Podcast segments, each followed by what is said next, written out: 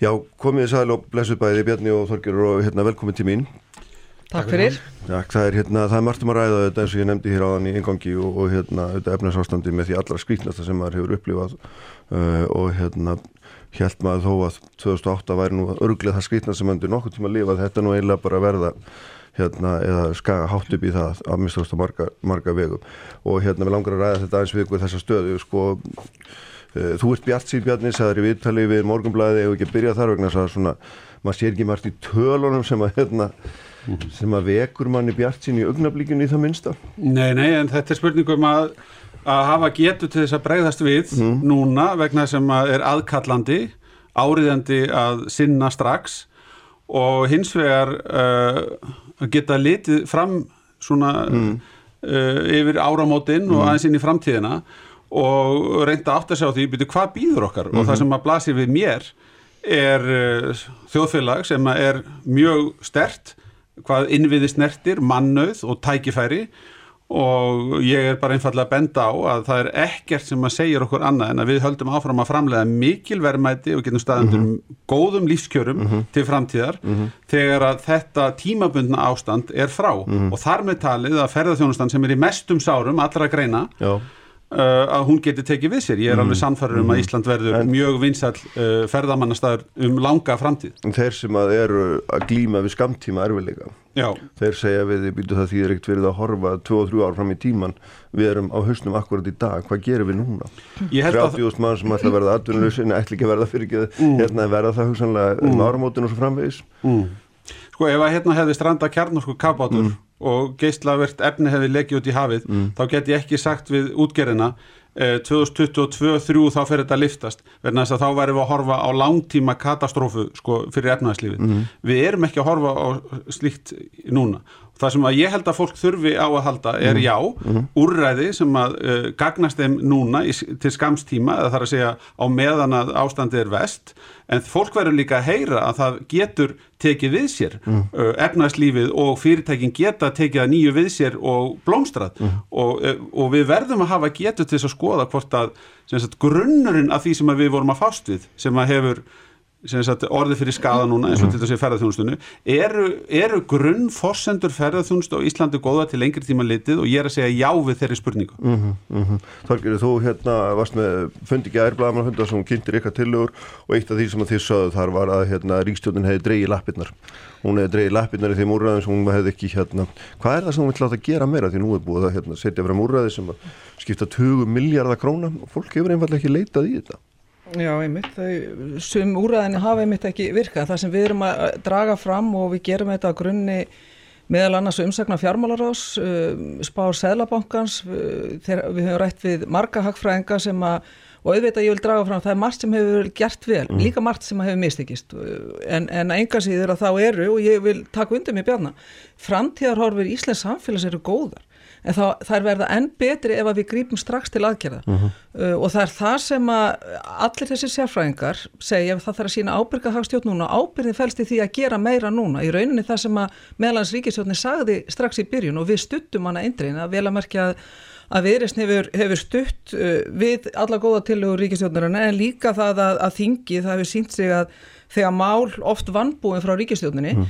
er að koma inn í þingi þá hafa þau orðið betri. Ég held til lengri tíma og skemmri líka samtali það, það borgar sig alltaf. Mm. En, en það sem við erum að segja er að það þarf að, nú er búið að kynna fjármálastefni til næstu þryggja ára uh, og hún er of jæmt dreif, við erum að taka það sem er í rauninni verið að setja á þriðjaður og setja það núna því vandin er núna, ríkið á stígað inn í kreppuna núna. Byrju, við, erum, er, ríkið... við erum búin að skuldsetja ríkið með einhverja 500 miljardar umfram það sem áallega var bara í ár og næsta ár. Já, við, Hvað ertu að tala þá um enn meira þeir, þeir Við erum að tala um að hafa hana framleganar að draga það sem er sett í áallun mm. í fjármálastefnunni á þriðja ári að setja það mun framar að því að þetta er rétt sem að Bjarni og mér finnst þá að ég að vinna eftir því að þetta er tímabundið ástand. Mm -hmm. Allar aðra þjóður í kringum okkur, bandaríski Sælabankin og Sælabankastjóri segir uh, hann hefur ekki áhugir á skulda stöðu bandaríska Sælabanka eða ríkisins af því að ef að það verður ekki gert nóg núna þá verður þetta viðvarandi viðfórsefni ríkisjús og, þá verða skuldirnar lengri. Það mm -hmm. sama er að gerast í Fraklandi. Þískaland sem er mjög íhaldsamt þegar kemur að skuldsetningu ríkisjús uh, er að gera miklu miklu meira hlutafslega heldur en við erum mm -hmm. að gera núna. Það er að segja að, að, að grýpa strax inn í núna og það sem að við sjáum líka í fjármálastefnunni er að er að uh, sko fyrsta lagi náttúrulega þarf að gera meira núna með því að íta fram framkvæmdum mm -hmm. það er vissulega mjög marga framkvæmdu komur að staða mikið fagnæðarefni en allar þær framkvæmdi sem eru tilbúnar ekki sem eru áallan heldur sem eru tilbúnar þá að íta sveitafélagum og vegagerðinni og mhm. öllum því, mm -hmm. því á stað núna næstu tól mánuði að því að ferðarþjónustar, hún mun rýsa upp aftur, mm -hmm. hún er og við sáum það bara í suma. Þú ert sérst að hvetja, hvetja Bjarnar til þess að eigða meiri peningum ég er að hvetja, já, ég er já. að hvetja Bjarnar til þess að fara já. í það, þessar aðgerðir núna mm -hmm. strax ekki jafnaðir yfir og ég er ekki að byggja þetta á einhverju yfirbóð, í rauninu væri betra að við getum öll lofað öllu fögru fyrir næstu mm -hmm. kostningar, en það þarf að gera þetta núna og ákverju það til þess að einmitt að fyrirtækin og ekki síst fólkið mhm. sjáu og eigi einhverja von, finni mm. það að það verið að veita því svigrum út frá kreppu sem að er ekki heimatilbúin, þetta er alheimskreppa, ákvarðinni stjórnvalda, erfiðar, en mm. það er að bytna á heimilunum. Við skulum lega björna svara þessum með hérna, það hvort það hef ekki nóg verið gert, hvort það sé að gera meira og hvort að hann telli það sé nöðsynlegt. Já, ég held í fyrsta lagi að við séum að gera gríðalega mm. mikið og mm. það byrtist uh, í því hvernig við látum uh, bótakerfin okkar taka utanum vandan og erum ekki að fara í aðgerðir til þess að ná endum saman á þessu ári eða uh, draga úr hallanum, veldur þvert á móti erum að aukan með sérstökur ástöðunum. Nú stefnan sem er núna nýjið samþygt uh, uppfær stefna, hún er ekki að horfa til langstíma og hún felur heldur ekki í sér stefnumótun um einstakar aðgerðir eins og mér hefur stórgerður verið að tala um. Mm. Það er annars skjál sem kemur í oktober sem er mhm. fjármálastefnan, þar erum við að fara nánar honni aðgerðnar. Hérna höfum við bara að leggja línurnar um afkomuhorfurnar og við erum að segja að uh, við sættum okkur við gríðarlegan halla þessu ári og á næsta áfram mikinn halla. Og í stefnunu sem að síðan uh, þar að segja í áallinu sem fylgir þessari stefnu þar munum við þurfa að teikna upp uh, semst, lengri, tími, lengri tíma uh, þróun. Um, ég kalla eftir því að þeir sem að sko, eru með þennan málflutninga það þurfa að gera meira og meira en minna og svona. Og ég hef verið þeirra skoðunum frá upphafi mm. og sagði það strax á fyrsta degi að, að nú þurftum við að, að, að gæta okkar að halda ekki um of að okkur höndum og ég held að það hefur verið rétt nálgun. Uh, ég kalla þetta því að þeir komið alvöru dæmi mm. og hérna er sagt sko að við gætum mögulega að fara að framkvæma. Sko ríkistjórnun er, hefur bóðað það að við erum að stór auka framkvæmdir. Við vorum þó í framkvæmda átæki mm -hmm. og uh, það sko viðbótin í ofinberum fjárfestingum er slík að það er alveg orðin raunhaf spurning sko hversu miklu er hægt að koma út sko til verka mm -hmm. á, á, á næsta ári mm -hmm. en þetta er eitt af því sem við erum einmitt að leggja mat á hversu, hversu mörgum miljardum væri mögulega hægt að bæta við fjárfestingastegi ríkisins mm. en sko það sem ég hef ekki síður áhuga að, að ræða og skoða sérstaklega er sko miklu nær rót vandan sem er sem sagt, hrun í fjárfestingu engagerans uh -huh. og þar ættum við að vera að beina sjónum okkar í staðis að einblýna engöngu og ofinbæra mm. framkvæmdir og spyrja okkur hvað getur við gert, hvaða úrræði getur við uh, nýtt okkur eða nota núna til þess að fá engageran til að fjárfesta uh, og, og það veru aðgerðið sem að til dæmis kallast á við skattarástafni sem við höfum þegar gripið til, við erum að segja við fyrirtæki sem að hefðu átt að borga skatta á þessu mm. ári út af hagnaði síðan í mm. fyrra mm. við erum búin að ákveða að þau getur frestað þeim skattgreðslu, nota þessa peninga í reksturinu til að bjarga sér og fara í, í nýverkefni og Og, og ég er að skoða núna hvort við getum ekki einmitt farið að örfa aftur með slíkum kvötum fjárfestingar í engageranum. Mm -hmm. Þetta ættum við að skoða mjög vel. Björni, þegar maður hérna, horfir á þess að tölu, því þú nefnir þetta sérstaklega, hérna, þá kemur náttúrulega ljósa fyrirtækin, þau hafa ekki nýtt sér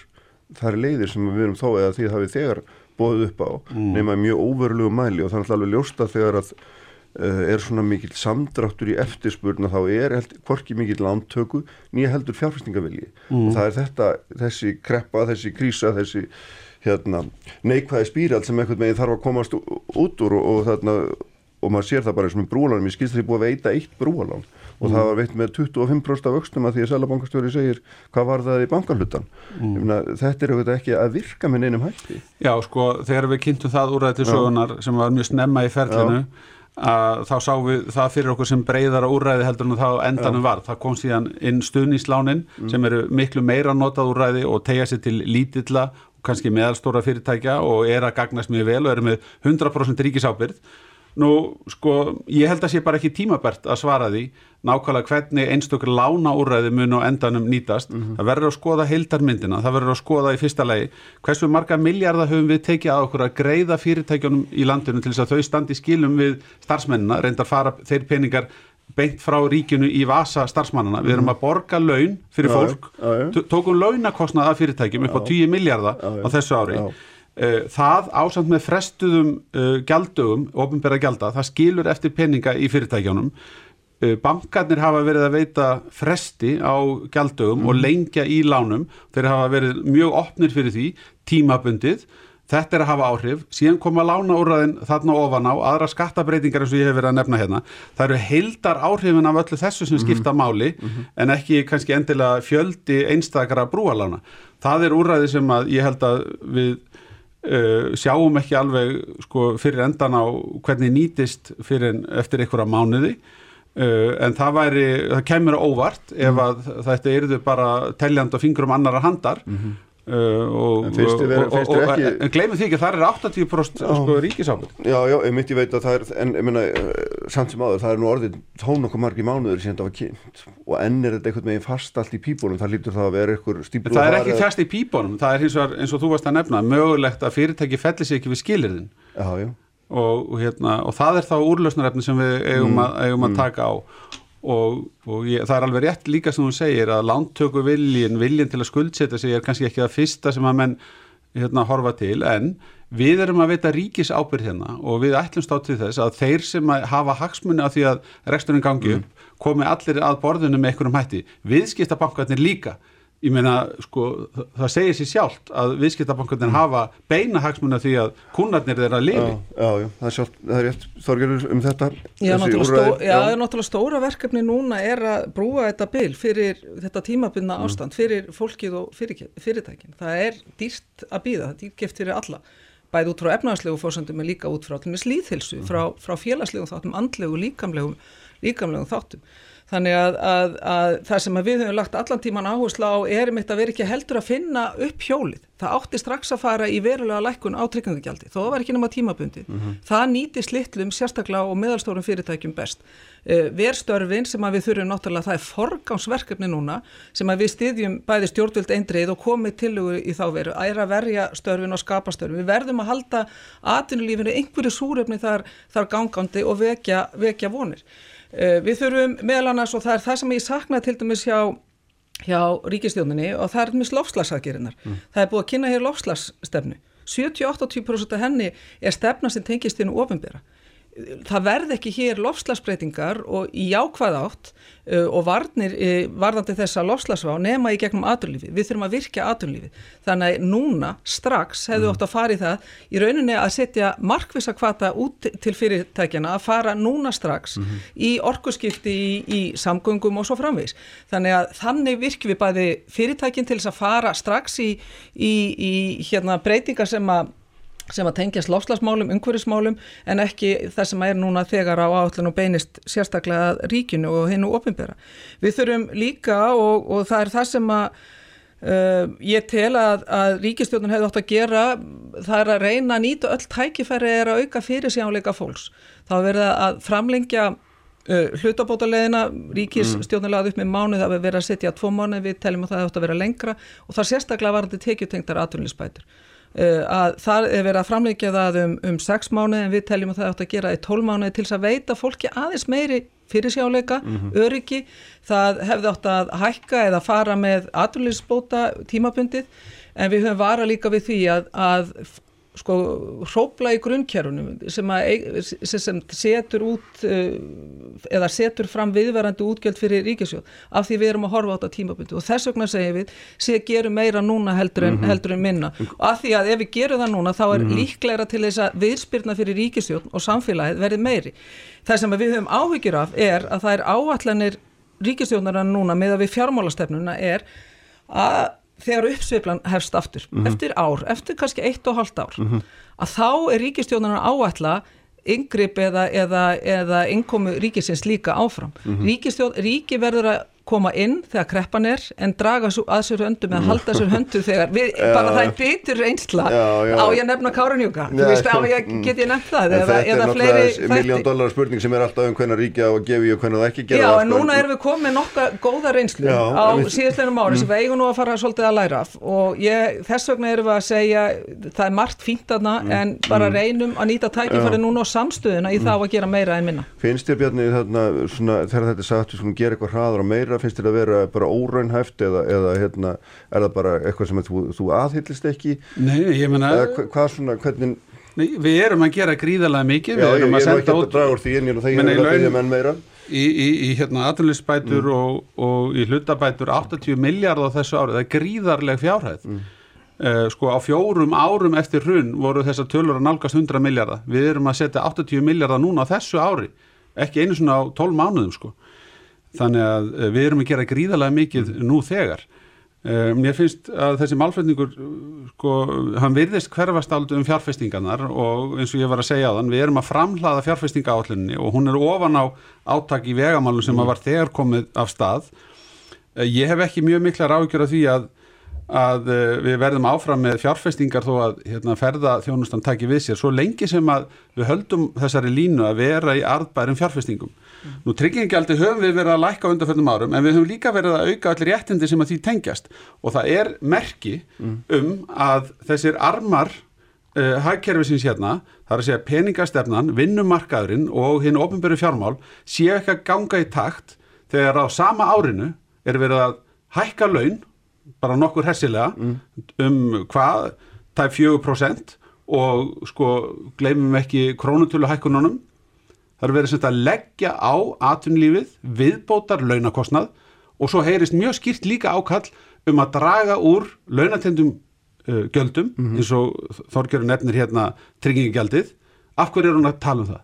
Ég vegna þess að hún telur að atvinnlífið þóli ekki launakostnaði. Mm -hmm. Þetta er bara eitt skýrasta merki sem ég sé í langan tímum mm -hmm. að, að það er bjögun í kerfinu. Menn er að gangi sikk hvora áttina. Mhm og það verður að, verður að taka á því að er launafreitingarnar eru meiklar ef að það er staðan ef að það er staðan og ef það er réttur málflutningur mm -hmm. að fyrirtækinu landinu rýsa ekki undir launum og launatöndu gjöldum mm -hmm. þá er ekki bara hægt að horfa til ríkisins og segja felliði niður gjöldin sem er að fjármagna atvinnleysbætunar fjármagna ellilífiri, örorkulífiri mm -hmm. fjármagna fæðingarólof og svo framvegis heldur, verð, hljótu við að spyrja á móti, býtu, hvers, hvernig stendur á því að vinnumarkaðin er að hækka laun mm -hmm. uh, mjög hessilega mm -hmm. og ætlar að gera það áfram á næsta ári mm -hmm. á sama tíma og skilabónir eru þau að atvinnlífið rýsi ekki undir uh, þessu gjaldi. Menn um hvað erum við að tala? Menn eru kannski að tala um 1%?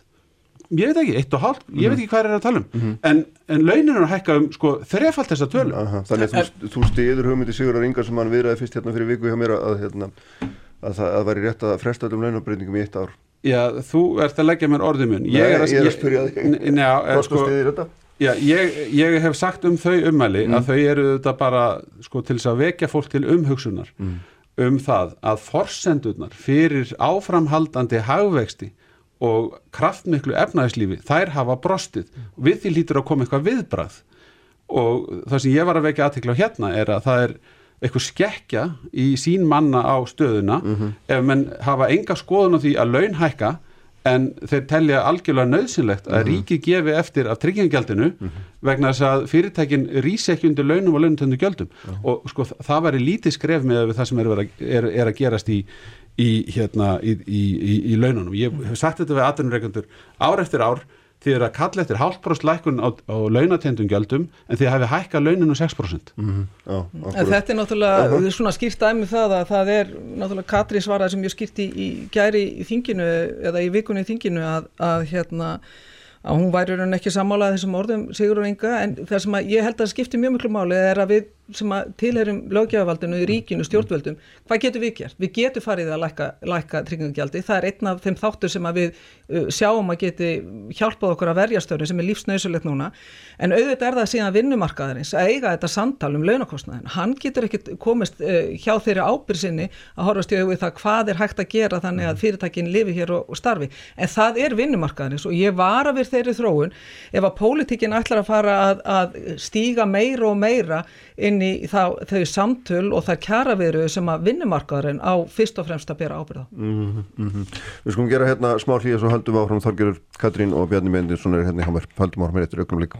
Sælir aftur hlustundu góður, þau eru hérna hjá mér á Sprengisandunum í dag Þorgerur Katrín Gunnarsdóttir, formaði viðreysnar og Bjarni Bendinsson fjármálur á þeirra, formaði sjálfstæðisflósins auðvita, við erum að ræða efnarsástandið og hérna hitt og þetta sem að því tengist, sko eitt af því sem að maður sér menn mjög víða í heiminum er að velta fyrir sér um að fyrir að reyna að lesa sér til um hvernig aðra þjóður standa. Er það hvernig þessi kreppa kemur nýður með mismunandi hætti á fólki því nú er þetta þannig að fólk meðal hans í ofnbæragerunum hefur bara sína tryggu vinnu og sína tryggu tekjur og svo framvegis. En svo er aðrir hópar sem er í allt, allt annari stöðu og síðan er alltaf þeir sem hafa legstu tekjurnar, þeir eru víðast hvar eh, er í erfiðustu stöðinni og þetta skiptur þetta mjög miklu máli út úr þessu kom ekki meiri ójöfnuður heldur en fyrir erum. Við langar aðeins að fá álit ykkar á þessu hvernig við vinnum gegn gegn því að svona staða hérna, raungerist hér hjá okkur?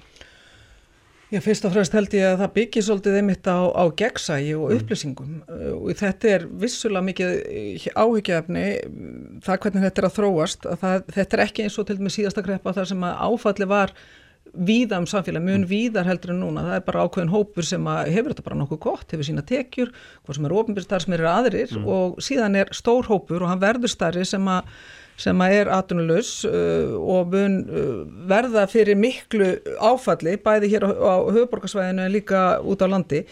Uh, ég hefði talið að ef að menn hefði átt að sig strax á því uppra, upphafi að, að samtalið síðan er góða, samtalið og samráð, það er þetta gaggrina ríkistjóðuna fyrir ekki að hafa tekið ekki pólitíska samráði en, en mín trú er svo að það samtal að eigur líkurnar á, á samstöðu og það samstaða er hreyfiafl fyrir, fyrir uppbyggingu, er, mm er hreyfiafl fyrir það að, að fólk skilji og skinni og viti að það er allt, þú veist, það eru allir í sama báti.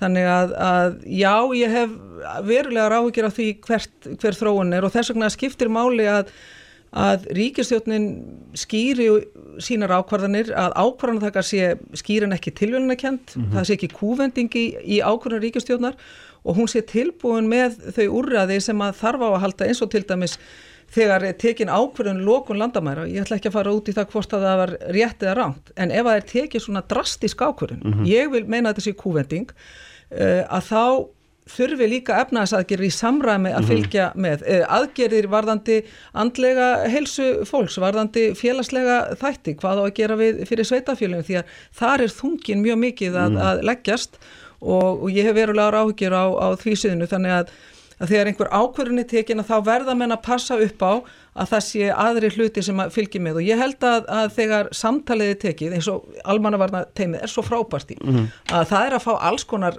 suma dellispurningar, suma gagnir, suma erfiðar en þau útskýra fyrir fólki og þau er ekki er ekki neitt skætinga eða, eða, eða svona einhvern hófmót, heldur mm. þau segja, Íslandingum segja okkur öllum mm. af hverju við erum að standa í nákvæmlega þessum hluti sem við erum að gera. Það fyrst mér skorta -hmm. og það er hlutur af því sem að ég óttast að, að ef að við náum ekki að halda þessari samstöðu og ég vil undirstreika að það er margt mjög fínt sem að Ríkisjóðun hefur gert en það er hægt að gera betur og það er hægt að gera betur í samtölunni og þannig að samstæða náist og það verður síðu hægt á ákunni samfélagsrófi af því það verður hægt á samfélagsrófi mm -hmm. ef framheldur sem horfur mm -hmm. Hvernig, hva, Hvað segir um þetta? Hérna, hvernig þessar aðgerði koma nýður á mismunandi hókum? Já, og, já aðgerðirnar eða aðstæðirnar eða aðstæðirnar, já, já þetta eru þær grunnurinn sko, og svo gera mann eitthvað til þess að bæta því og þurfa að passa því að hérna, held líka olí og eld Jú, jú, sko, ég menna þetta er alveg hérna, grundvallar punktur sem þú ætti að benda á að semst, þessi kreppa sem við erum stötti, hún er fyrst og fremst að hitta enga geran fyrir. Mm -hmm. uh, við erum ekki með dæmi um uh, margar uppsagnir hjá hinnu ofinbera, þetta eru einstök tilvik mm -hmm. eins og til dæmis Ísafja sem er opið hlutafélag, þar sem að öll umsöfun hafa horfið nánast um, en að öðru leiti erum við bara að halda okkar stríki og við erum að sætt okkur við að þrátt fyrir að við höfum ekki efni á því að reyka þetta flotta skólakerfi, þetta öfluga heilbriðiskerfi, að vera með þetta þjættiriðna öryggisnett hérna í gegnum almannatryggingar. Þrátt við höfum ekki efnaði, þá ætlum við samt að halda því öllu á, í gangi af sama krafti og hefur verið eh, vegna sem við trúum því að þetta sé tímabundið. Mm -hmm.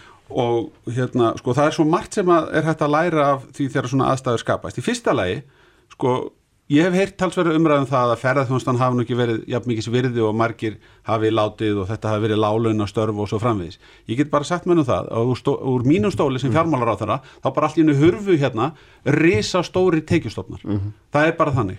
Við erum bara skindilega, við vorum hérna allir með með lítilsháttarhalla á þessu ári og fyrst og fremst út af höggjunni sem verður fyrir ferðarþjónustu og tengdar greinar þá erum við að stefna hérna í 300 miljardar halla. Eh, auðvitað hluti af því út af mótvæðisaðgerðum en þetta segir mikla sögum það hversi virði það er að vera með öfluga ferðarþjónustu í landinu og það segir okkur þá líka mm. að við eigum að gera allt og það er mikið á sér leggjandi til þess að endurheimta kraftmikla uh, ferðarþjónustu til framtíðar. Þetta segir okkur líka í öðru samiki þó við tengjum ekkert endilega við ferðarþjónustuna bara hvað kraftmikið atvinnlíf er mikil forsenda fyrir því að við höldum úti öfluri mm. Sláttur í atvinnulífinu, það sé ekkur vöxtur, sköpun nýra starfa, aukinar, uh, aukina verðmæta og þar sé verið að sækjast eftir aukinni framleginni, þá höfum við ekkert efna á þessum hvað hva rámar að drepa niður sko, ég mhm, menna mm -hmm. þessum góðu háskólum uh, li, livjónum sem við erum að nota til þess að lengja líf fólks og svo framvegis og bæta lífskjör uh, við höfum ekki efna á þessu uh, örgisneti sem almann tryggingar eru án þess að þetta sé svona, þannig að við verðum að átt okkur á því hvað er undirliggjand að gerast og í mínum huga er augljóst að svarið í þessari stöðu er já að tegja sér til þeirra sem að hægt er að stýðja í gegnum tímabundin áföll. Við mm. getum hins vegar ekki tekið ábyrð á því að hver og eitt komist af þeirra svona mikil kreppa rýður yfir en það er líka okkar hlutverk að teikna upp einhverja framtíð og sína fólki fram á það að við erum með undirstöðunar til þess að komast út af þessu og þess vegna er þessi efnaðarstefna að sætta sér við hallan,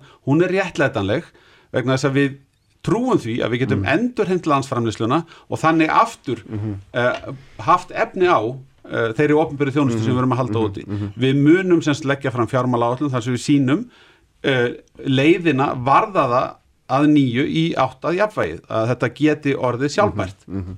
En, sko, þarna, en hvað með þá sem að svona er í þessari hættu um að lenda undir stöður sinnar vegna. Hvernig, hvernig eru þið að hugsa um það? Hvaða, hvaða hvernig svona hvernig ætlir þið að reyna eftir bestu getu að tryggja að það verði ekki? Það verði ekki augist ekki í mismunum og allt þetta sem er mjög algengur fylgifiskur svona hérna, efnaðarsvandra við sjáum þetta bara að hérna, ákveðni geirar er að móka til sín peningum meðan aðrir eru nákvæmlega eins og okkar ferðarþjónusta mm. eru í hérna algjörum standandi vandröðum. Já, ég meina þessi úrræði sem við höfum verið að týna mm. til hérna í dag og það sem þingi er að klári þessari viku til dæmis framleiking á tekjutengta tímubili aðunleysisbóta er falli fyrir þetta fólk, fólk sem er allt í unni frálsum, mm. finnur sig í frálsum falli og við erum að láta það hafa fallíf til þess að mikið að lendinguna en við erum líka heiðarlega á sama tíma og, og, og hérna og viður kennum það að við erum ekki með laust með hvers manns vanda. Mm -hmm. við ætlum hins vegar að reyna að koma með uh, sko úrræði sem að gagnast uh, þegar að vandin er mestur.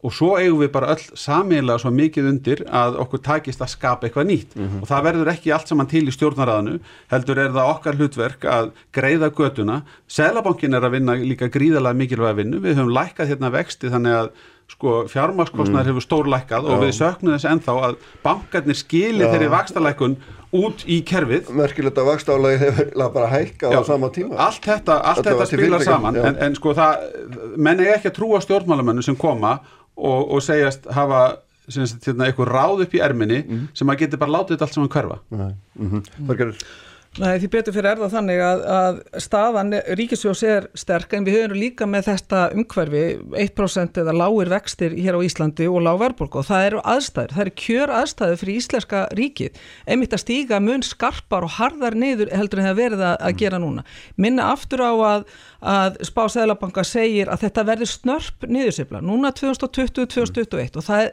finnst mér ríkistjóðin ekki verið að horfast í augu við. Þetta er svolítið mikið talum að við erum að gera rosalega mikið en þetta rosalega mikla er bara ekki núna. Það þarf að gera meira núna. Hlaða fram. Það sem ég hins vegar hef áhugir af er ef mitt að ef okkur tekst ekki með því að fara ekki næ, nægar aðgerði núna hvað sem er í gegnum lækun tryggingagjals auka styrki til fyrirtækja uh, veita auki svigrumarandi uh, hérna tekjutekingu atvinnlisbóta og svo framvegis er að við náum þá ekki þessari viðspyrna því ferðarþjónustan, ég er sammála bjarna við, mm. veist, það er alveg ótrúlega dýna mikið ferðarþjónustunni og við sáum það í sumar mm -hmm. bara kvispum bang, þá var hún farin að stað aftur hér heima með þó, þú veist, bara innlendum ferðamönnum þannig að, að tækifærin eru þarna og það skiptir svo miklu máli að við náum að halda glóðunum í fyrirtækjunum en það skiptir líka máli og það er það sem ég er hrættum mm. og tengist því samfélagsrofi sem ég var að tala um á þann er að ef það verður ekki gert nóg núna ef að í fyrsta lagi og öðru lagi ef að ríkistjótnin uh, gætir ekki að því að, að það sé meiri samstaða og meira samtal og, og svari mm. spurningum frá stjórnarnarstöðu, málefnarlegum spurningum stjórnarnarstöðu með málefnalegum svörum í, í staðis að fara í oft á tíðum hennar skæting sem hún er, svona skætingskýr sem hún er komin í núna, að þá munir þetta leiða til þess að, að þessi samstað, þessi dýrmætarsamstað, hún, hún, veginn, hún verður fermingandi.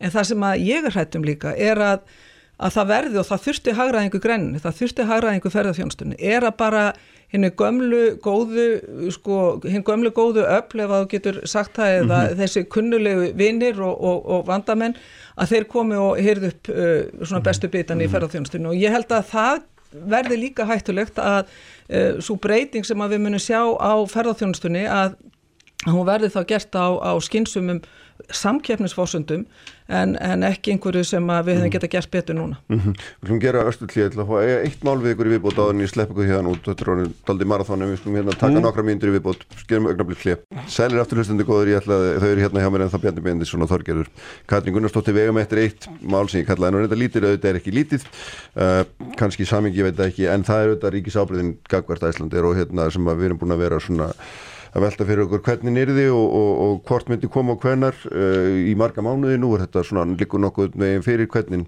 þetta verður allt saman. Uh, og hérna og maður sér að það eru svona sprett upp gagnisrættir núna sem að kannski ekki mikið heyrst fram að þessu. Uh, hvernig þorgir þú hérna og þið hafi verið frekar svona skeptísk á þetta? Já Og eru það? Já, við erum það. Viltu að það sé, að það sé ekki veitt, það sé ábyrð á, Nei, á ég er búin að, við erum búin að fara, ég er búin að fara mjög vel yfir, yfir þetta og þessum skamma tíma sem við höfum haft þetta, haft máli til um fjölunar. Uh, ef að þetta ástand væri ekki, þá er alveg skýrt, við myndum alltaf segja nei mm -hmm. og hefum alltaf sagt nei. Uh, nú er ástandi bara með öðrum, öðrum hætti það er alveg ljóst að, að, að við þurfum bara í samhengi við það sem við vorum að segja, við þurfum að halda uh, glóðum í fyrirtækjum þannig að við getum farið af stað strax mm -hmm. og þess vegna skiptir mannauðurinn, uh, þekkingin, reynslan sem að Æslandir hefur byggt upp í gegnum tíðina mjög miklu máli. Hitt er síðan að það veldur mér miklum vonbröðum hversu hvernig nálgun ríkistjóðnaran á verkefnið, verkefnið er í fyrsta lagi að eftir fimm mánuði að setja fram frumvarp eða, eða, eða tilhugum þá veru sem að meðal annars ruggar ákveðnum samkeppnisfórsöndum á markaði til misferðaskristofa ákveðru láni var ekki upphafi bara um engungu með við flugrestunum. Þetta er eitthvað sem við vonandi erum og hefum lagað í, mm -hmm. í, í þinginu. Síðan er, er hitt að mér finnst bara ríkistjóðnin eigi eins og eins og uh, aðra stjórnir til að mynda í Damersk og Svíð og ganga bara hreint til verks, ekki alltaf láta bankana í þessu tilvilli, sjáum það í gegnum brúalánin mm. uh, og núna í gegnum sölutrygginguna að taka þungar og, og erfiðar ákvarðanir mér finnst að ríkistjórnin eða bara já, ríkistjórnin bara taka félagið yfir, ert að byggja um það? Nei, við skulum býta aðeins, það sem að, að það er annars vegar þetta og síðan er, er hitt að, að ríkistjórnin er eina ríkistjóðnin í, í, í Európu og bara í heiminu sem hefur beitt gældirisöftum og það voru sett gældirisöft á lífyrirsjóðana. Mm. Lífyrirsjóður er ekki eins og hvert annað enga uh, fyrirtæki eða enga mm. fjármang, mm. þetta eru félagslegir sjóðir og í þessu öllu saman er mikill þrýstingur á það að einmitt að, að launþegar þessi félagslegu þjó, þjó, uh, sjóðir eigi að taka þessa áættu sem að fælst í ríkisábyrg mm. í hvað er verið að gera með SAS þar var leita til bankana, Nordea hafnaði þannig að bankarnir kom ekki að sölutryggingu þar.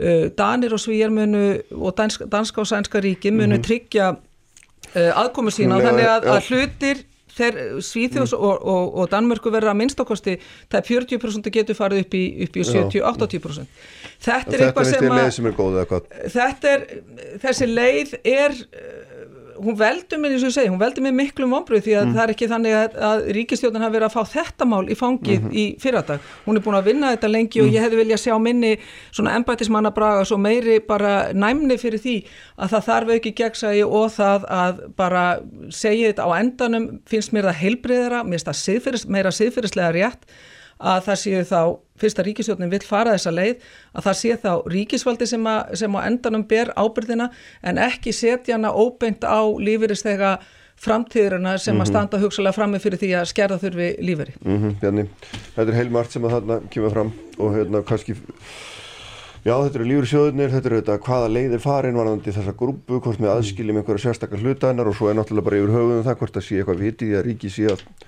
að ábyrgjast þetta með þessum hætti því nú eru flugfélag sem geta flóið til á Fríslandi sem við þekkjum bara vel og eitt er í startólunum og það er bara svo margt ramt í þessum málflutningi hjá Þorgerði. Í fyrsta lagi þá hefur ríkistjóðinu ekkert nei, hún hefur enga aðkoma að því hvort að bankar ákveða sölutryggja uh, þetta útbóð. Í öðru lagi þá eru engin gældrisöft í, í, í, í hérna gildi. Mm -hmm. uh, þó að lífeyristjóðunir hafi ákveðið í samstarfið selabankan að uh, fara ekki í erlenda fjárfestingar tímaböndið þá eru engin gældrisöft í gildi. Uh, í þriðalagi þá verður ég að segja að uh, við höfum verið að stíga í þessu máli bara ölduna eftir því hvernig sjólaði hefur verið. Sko það stóð til að þetta félagfæri útbóði í júni, svo ætti mm. það að gerast í júli, möguleg í ágúst, sko nú er, nú er komið september. Ah, ja. Þannig að sko það var ekkit í bóði fyrir okkur að fara að sko klappa í stein eitthvað, eitthvað áætlun hér á vormánuðum þegar að málefni félagsins voru enþá í svona mikil í gerjun og ég held að við höfum gert hárjætt með því að segja ykkar fjárhásvandi er ykkar fjárhásvandi mm -hmm. hann er ekki í grunninn vandamál ríkisins.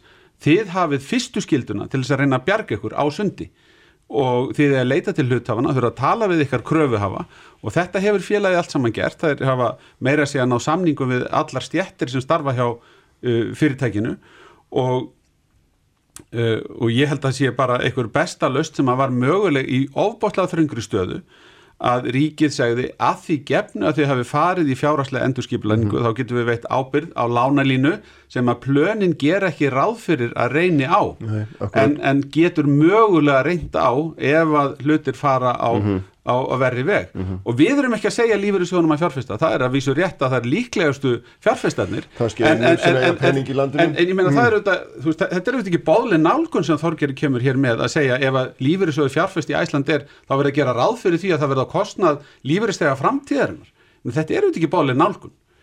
Sko stjórnir taka ekki ákverðun uh, bara út frá ástandinu í þjóðfélaginu, menn hafa að lögum skildu til þess að uppfylla Uh, ákveðna kröfur þegar að teknar eru ákvarðanir um, um fjárfestingar mm. og þeir gera það örgli þessu tilviki til þess að hafa því ávöxtun í þáu lífeyristegana mm. og mér finnst bara algjörlega ómögulegt en að menn er að stilla því þannig að þeir séu að gera þetta á kostna lífeyristegana en, en, en það er samt, er það ekki auðvist, það er ákveðin þrýstingur á lífeyristegana vegna þeir eru náttúrulega einu aðlöfn í landinu sem hafa handbara 20 miljardar pluss til þess að reyða fram ekki satt, ég minna það, við, við vitum það alveg breytir því ekki að laga umhverju er alveg skilt. Já, ég skil það. Ef að menn láta undan þrýstingi, ef menn láta undan slíkum þrýstingi, mm. þegar að gögnin segja mennum að gera eitthvað annað, mm. þá eru menn ekki að standa sér í vinnunni. Mm. Sko ég, þetta er greinlega viðkvæmur strengur hjá hann um bjárna, hvern er verið að blekja þetta? Hver er eiga ríkisbankana? Það er ríkið. Mm. Uh, í, í, á Norðurlöndunum þá bara höfnuði bankarnir að fara inn í, í þessa sölutryggingu. Það er mm. ríkisvaldið beint og óbeint. Það, það, það er beint og óbeint ríkið sem er að koma. Er þetta að segja hverja ríkisvaldið að farið inn í landsbankarna og satt nú sölutryggið þið þetta? Já, við skulum bara segja hver á ríkið, ríkisbankarna. Það er ríkið. Já, já, já uh, hvernig er aðstæði núna uh, lífrissjóðana? Hvernig eru þær? Mm. Hvernig hefur ríkistjóðnin og í samverðin við, við Selabankan útbúið uh, umhverju uh, lífrissjóðana? Það er þannig að þeir hafa lítið um aðra kosti að velja heldur en að vera hér innanlands að þeir búið að segja þeim að vera það. Þannig að það er beint og óbeint verið að þrýstæðan til þess að fara þessa leið og þá skulum við segja það bara blatant, áhættan er hjá lífriðsjóðum og mér finnst það umhugsunar, umhugsunar efni. Í uh, varandi SAS, þá kom ríki þar inni og beitti þrýstingi þannig að skuldum var breytti hlutafíð hér var skuldum æslandir, það var lengt í, í, í skuldunum, skuldagreislundu voru lengtar mm. en var, því var ekki breytt í hlutafi þannig það er hægt að fara ímsar leið uh -huh. en uppi, upp, sko það sem stendur upp úr er að við þurfum að tryggja hér inn og út úr landinu þetta er mikið umhengsunar efni að við þurfum að fara þessa leið mm. en aðstæðir eru, eru þannig en sem að öllu jöfnu hefðu leittið þess að við værum alltaf á, á rauðatakkunum. Auðvitað er það líka kunstutt og í, í sjálfisir að, að þegar maður skoðar söguna og, og já, bara mann það að mitt fyrsta mál þar sem að ég fór gegn fórust í mínum gamla flokki á sínu tíma það var, var lögum ríkisábyrð á, á díkot að því að mér finnst það prinsipisialt ránt að ríkis eigi að koma inn með mhm. einhverja ábyrga hvert enga fyrirtækjum mm -hmm. og ef að það er gert þá verður að fara í gegnum gömgeflega umræðu og gömgeflega vinnu og mér finnst skorta á það mm -hmm. því betur fyrr er þetta lagast í þinginu og hefur lagast mjög í þinginu, línur hafa skýrst, við þurfum að tryggja ábyrðin okkar allra. Mm -hmm. Ég ætla ekki að setja hana bara á ríkistjóðnarni í þessu máli, akkurat. við þurfum að taka afstöðu þessu máli, mm -hmm. við gerum það, en við þurfum líka yes. að veita ríkistjóðnarni aðhald með spurningum, hún verður að þóla það mm -hmm. að fá spurninga til sín. Já, við erum að fara að ljúka þessu. Hann og aldrei stannig. Ég meina, mér finnst, mér finnst aldrei sko, merkilegt að hlusta á það að, að við fáum gaggrinni fyrir að gera ekki náða mikið mhm. og hérna erum við að taka stórt skref, gríðilega mikilvægt fyrir eitt mikilvægsta fyrirtæki bara fyrir Íslendinga mm -hmm. fyrirtæki sem hefur tengt okkur við umheiminn í gegnum árin og er með net mm -hmm. uh, sko yfir Allandshafið bæði eins og við þekkjum vestur og til Evrópu og er með áallanir sem að uh, verður látið reyna á að hlutafar hafi trú á og við segjum að við viljum styðja það en þá erum enn með evasendir mm -hmm. sama fólki eru að segja við gerum ekki náðu mikið. Mm -hmm. Já þá bara gáka reynd til verkspjarni það er en, það sem við erum að segja. Og við erum að lámaka áhættu ríkisins. þóla samtali og það Já. er eitthvað sem er, er Já, væri óskandi að ríkisins það er eitthvað tillaga að ríki bara kaupi hlutafjöð í Æslandir þá er maður bara að segja það líka og vera að tala hreint út. Má ég spyrja það einu bjarni í lógin og eitthvað bæði bara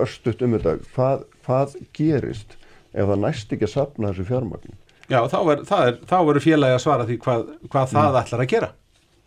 Það er bara þannig. Þannig hefur okkar lína verið allan mhm. tíman. Þetta er, þetta er, hérna, þetta er skráðfélag með stjórn, stjórnendur, hluthafa.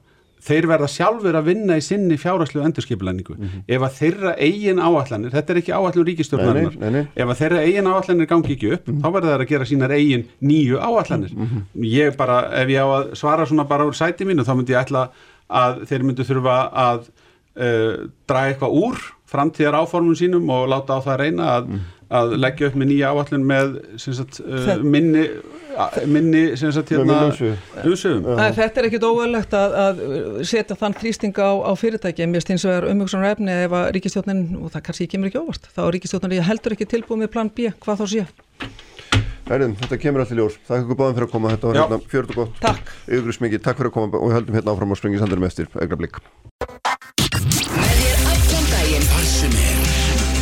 Sem er Bilgjan Kraftmikil umræða alla sunnudaga. Sprengisandur á Bilgjunni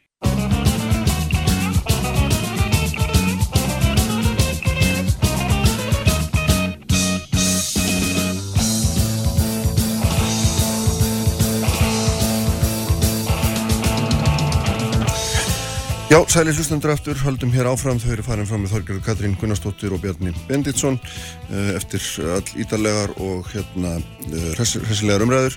Eh, Breki Karlsson sem er formað neitundasamtakana verður hérna í lokþáttar, þá ætlum við að ræða um, um það hvort það geti verið eins og hann heldur fram á hans samtök að að skilmálar breytilegra lána, banka, standist ekki í lög og þetta er frólitt að hérna, heyra, heyra breyka að fara í gegnum það en ég ætla að ræða um alltaf mál núna sem er sundabrautin, þau eru sest hérna hjá mér Jón Gunnarsson sem er alþingismöður og fyrirvændi samgöngur á þeirra og Sigurborg Ósk Haraldsdóttir sem er formað skiplasás Reykjavíkur, bæði velkomin. Takk fyrir. Sko, hérna, það er þetta búið að ræða sundabrautina margsinu sem ég var nú reyfið upp nekst, ég manna hún ég að komist inn á allskapfélag Reykjavíkur 1984 og þannig að þetta er raunum dágóðu tími þess að hún hefur verið inn á skiplaðin lítið hefur nú breyst, nei lítið hefur nú þjókast að miskust í framkvæmdu beinum en margt verið talað um að skrifa og, og svo framvís og núna erum við á þeim tímum að við erum kannski að skipta um takt í lífinu, við erum að leggja meiri áslega á almenni sangungur um hverju svætni ferðamóta, mér að það er auðljós, blasir við bara í eldsnendisnótkun og, og öllu þessu. Og hérna á COVID hefur kent okkur að við getum líka verið heima að vinna sem er hérna enn annars svona þáttur í þessu og, og, hérna, og, svona, og svo er bara, svo er við að byggja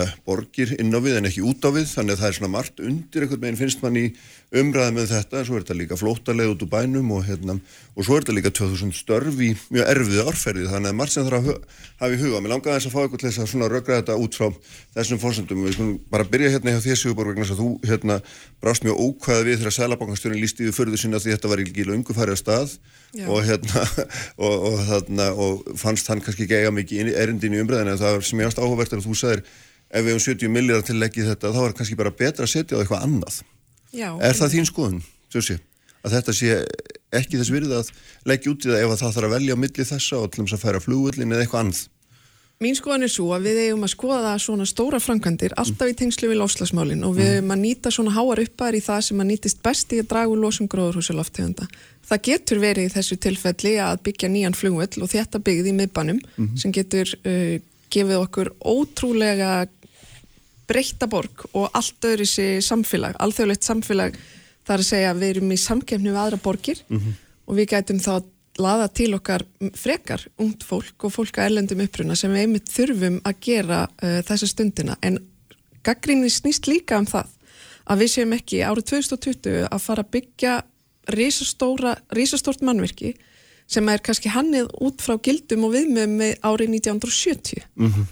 það er að segja ég held að við að einhverju leiti þurfum þessa tengingu, hún getur nýst mjög vel bæði til þess að tengja betur út úr borginni, hún getur nýst vel fyrir þungaflutninga og höfnina, mm.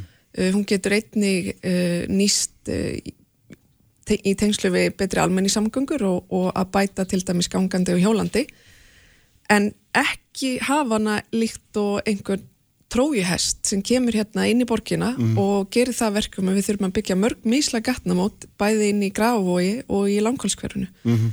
þannig að og þetta er svolítið stór þáttur því að við þurfum að passa það núna og sérstaklega þegar að eftir COVID að þá er verið að setja mikið pening og miklu meiri áherslur á framkvæmdir sem er gott og framkvæmdir sem skapar störf sem mm. við mhm. þurfum að gera en við þurfum að gæta þess sama og alþjóð samfélagi er að gæta að það er að segja að vera ekki að draga upp gamlar áallanir sem styðja þá við jarðefna háð samfélag. Mm -hmm. Þannig að við séum að, að skera framgæntir sem vinna gegn okkar eigin markmið. Þú veist að segja mér það að þetta sé svona hérna, stórkallaleg hérna, framkvæmt gamall tíma sem þetta standi til og þú vilt fara aðra leiðir. Er þetta ekki bara svona auki kjarna það sem þú ert að segja? Það er í grunninn það, jú, og, og það er vegna þess að ef að við byggjum hana samkvæmt gömlu viðmöðanum að þá erum við að fara að fá miklu, miklu meiri umferð, hún er að fara að skapa meiri umferð mm -hmm.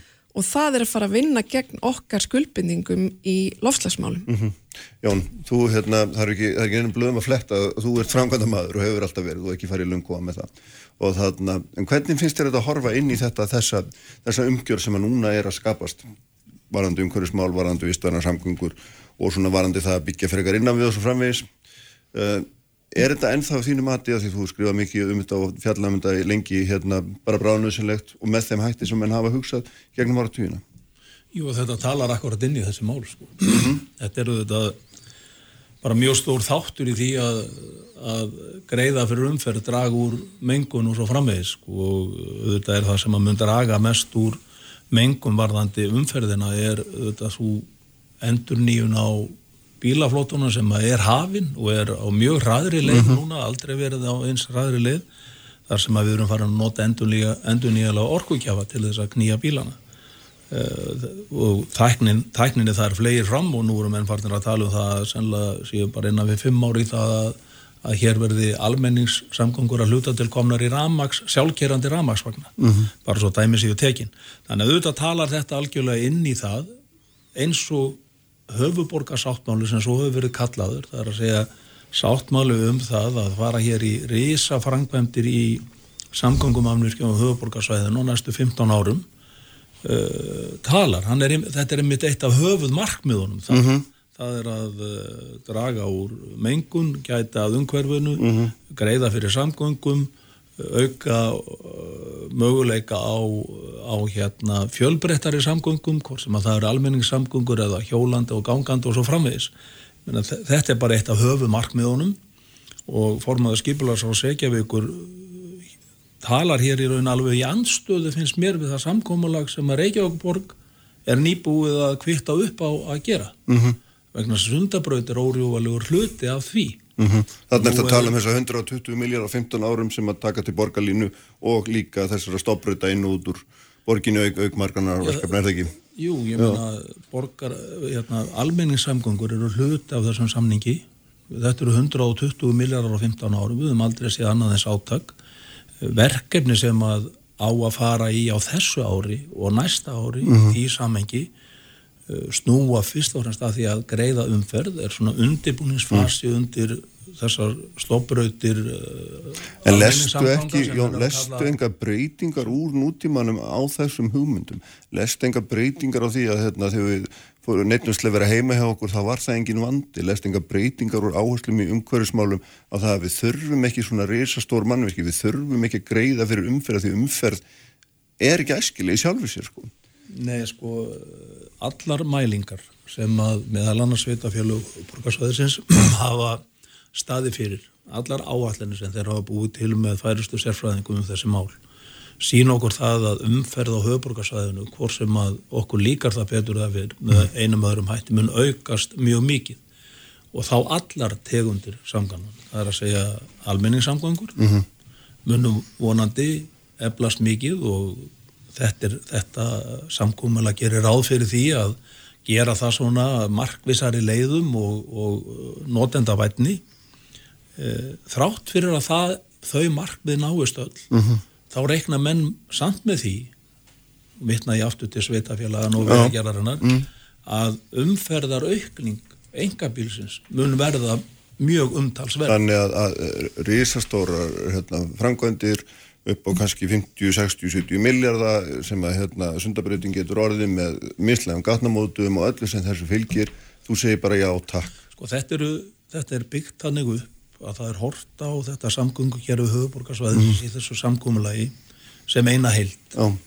þarna er verið að horfa til stoppbröta það er að segja megin fluttningsleiða í samgöngukerfinu já, það er gert ráð fyrir sundabröð til þess að hún sé ásinn sem að liggur í gegnum höfuborgarsvæðið, bílarbæðir sem er að fara af höfuborgarsvæðinu, inn á höfuborgarsvæðið og til Suðurnesja keiri í einum ás þá leið mm.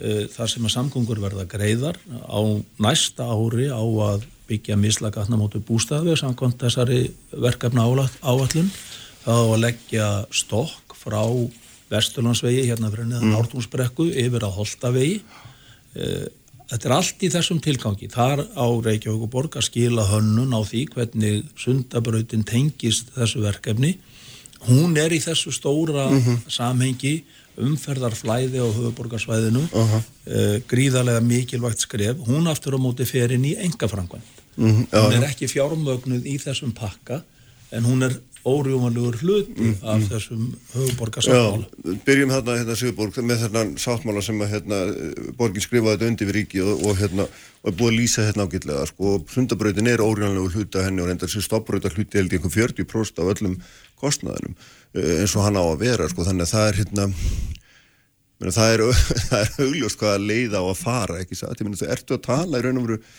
finnst þér svo leiði vera raung ertu að segja mér það að þú þessi sáttmáli eins og búið skrifandi, hann, hann hugnast þér ekki?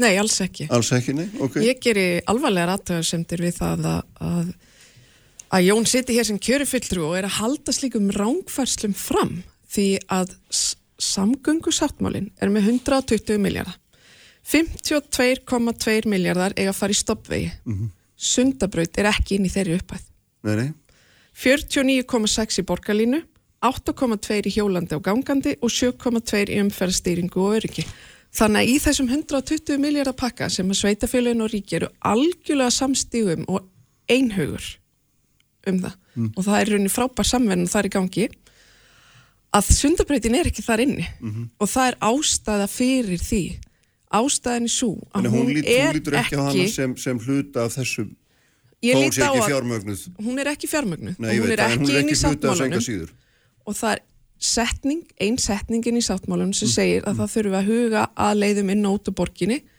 og að meðal þess geti verið sundabrautin. Mm. Einn setning, þannig að hún er ekki inn í öllum þessum pakka, hún er ekki inn í þessum útreikningum vegna þess að hún er ekki mikilvæg fyrir umferðarflæð á höfuborgarsvæðinu og Jón er að halda hérna fram. -hmm þannig að við skulum halda því til haga og það er rosa mikilvægt. Já. og samgöngusáttmálinn stendur, við erum samstíga og, og, og samvinnan er ótrúlega góð myndi ég segja, millir ríkis og sveitafélag og ólíkra sveitafélag við erum öll sam, sammála um að vinna fyrir höfðborgarbú, það er bara þannig. En ég, við þurfum að gæta því að fara rétt með staðrendir og við erum að vinna saman að því að útfæra Arnanisveg mm. og svo vinna er langt á vegkomin og, og verður gaman að sjá hverjar útfærslur verða ég vonast til að það komi í næstu viku mm -hmm. einni, og þar er verið að skoða sjálfsögðu hvernig vegurum verður útfærður og hvernig við getum tengt þetta við stoppleiðir hjóla þeir sem er ekki, hérna, þeir sem ekki alltaf versir er höfuborgarsvæðinu, hvað er Arnarsvegur nákvæmlega er það? Já, það tengir saman þess að efri byggðir þarna í Kópó og við breyðholtsbröytina Já, ok mm -hmm. Um, Svo er verið að vinna einni líka að útfærslu við uh, gatnamótin við bústæðveg mm. það stendur ekki í sáttmálan með því að vera mislæg það stendur bara að vinna útfærslu gatnamóta og en það er það sem verið að skoða mm -hmm. og finna bestu lausnina mislæga eða ekki en bestu lausnina fyrir borgarlinu og mm. fyrir elliðádalin. Þannig að það vera að vinna í öllum þessum samgöngum mannverkjum og það mm. gengur bara mjög vel en málega er það að það er að endur hanna þau út af því að við erum með borgarlínu í dag og við erum með stoppveganett fyrir hjólreiðar og, mm -hmm. og við erum að gera allt aðra hluti en við vorum að gera mm -hmm. hérna fyrir löngu síðan þannig að það skiptir óbúslega miklu máli að halda þessu til haga og ég vil líka fá að halda þessu til haga að það er orðið rosalega þreytt umræða að það sé ávalt verið að segja að Reykjavíkuborg sé ekki að standa við sáttmálan eða að við séum að ganga bak orða okkar mm. eða, eða við séum að hindra, hindra sund, sundabraut það er bara ekki þannig, það hefur aldrei verið þannig, ríkið hefur síðustu 40 ár aldrei sett sundabraut á samgönga átlun, hún hefur ekki verið fjármögnuð. Mm. 2005 ætlaði sjálfstæðisflokkurinn að fjármögnuna með sölu símans. Sá peningur gufaði upp inn í sælubankanum undir stjórn Davís Ottssonar og ríkistjórnar sjálfstæðisflokksins. Mm -hmm. þannig að það er ekki þannig að Reykjavíkuborg hafi unni gegn sundabraut, alls ekki ég sé mikla kosti við að ná þessari tengingu fram mm -hmm.